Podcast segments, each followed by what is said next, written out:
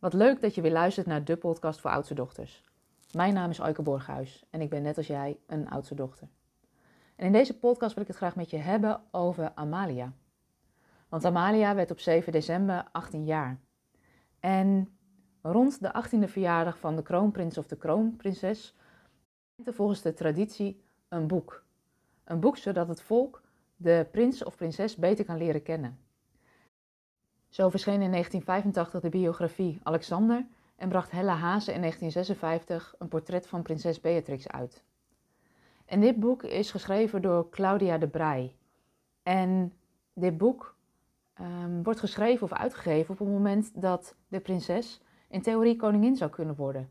En dan is het ook tijd om haar voor te stellen aan het Nederlandse volk. En ik moest wel lachen toen ik het boek las, want ze vond het zelf een beetje onzin dat er een boek moest komen over iemand die nog niet eens 18 jaar is. En de vraag die ze zichzelf stelde is: wat heb ik nu eigenlijk gepresteerd? Ik ben geen Nelson Mandela die de apartheid de wereld heeft uitgeholpen. Waarom dan nu al een boek? Maar omdat alle Nederlanders in de lijn der verwachtingen veel met haar te maken zullen krijgen, is daarom een eerste kennismaking wel fijn.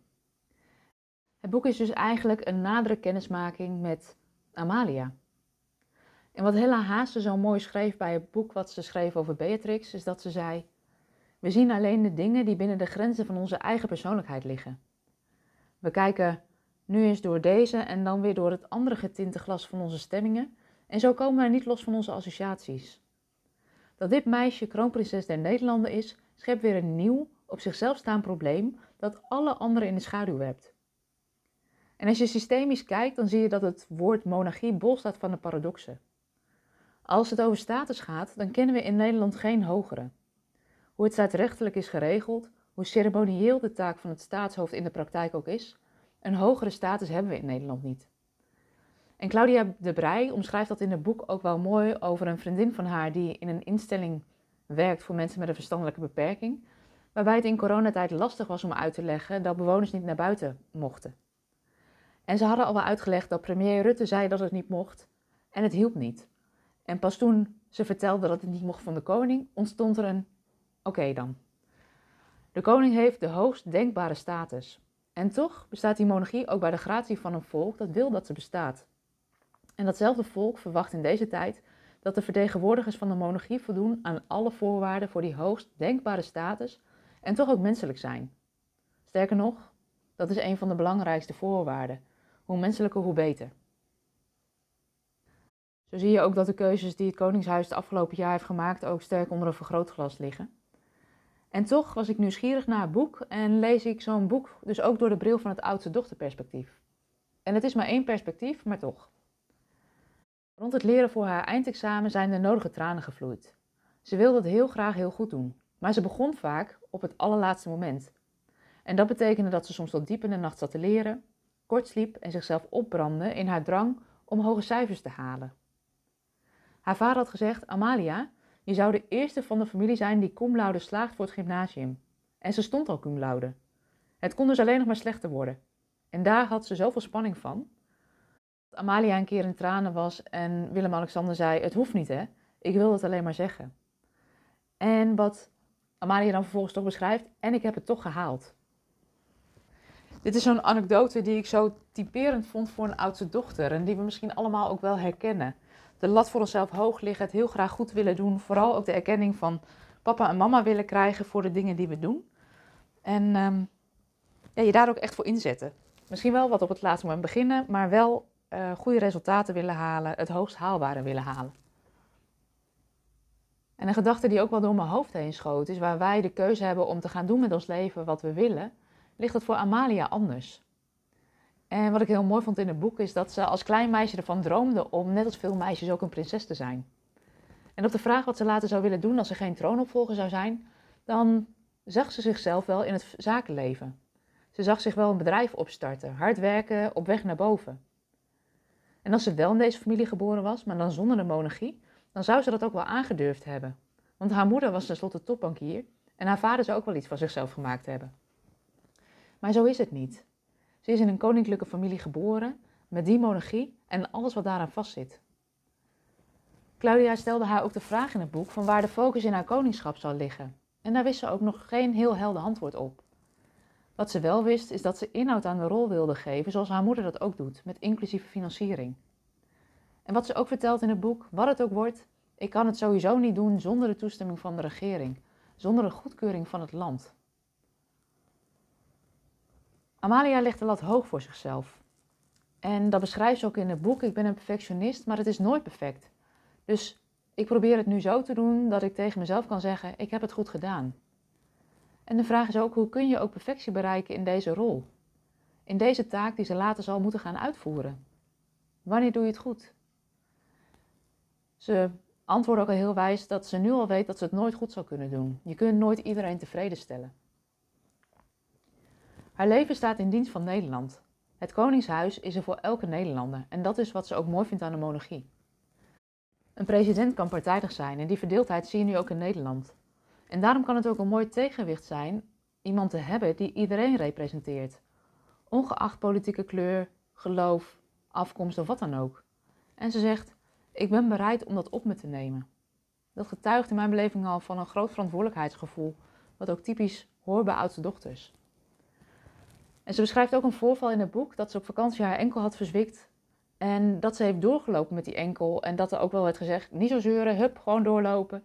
Maar dat achteraf die enkel gebroken bleek te zijn. Dat zegt ook wel iets over haar doorzettingsvermogen en haar wilskracht.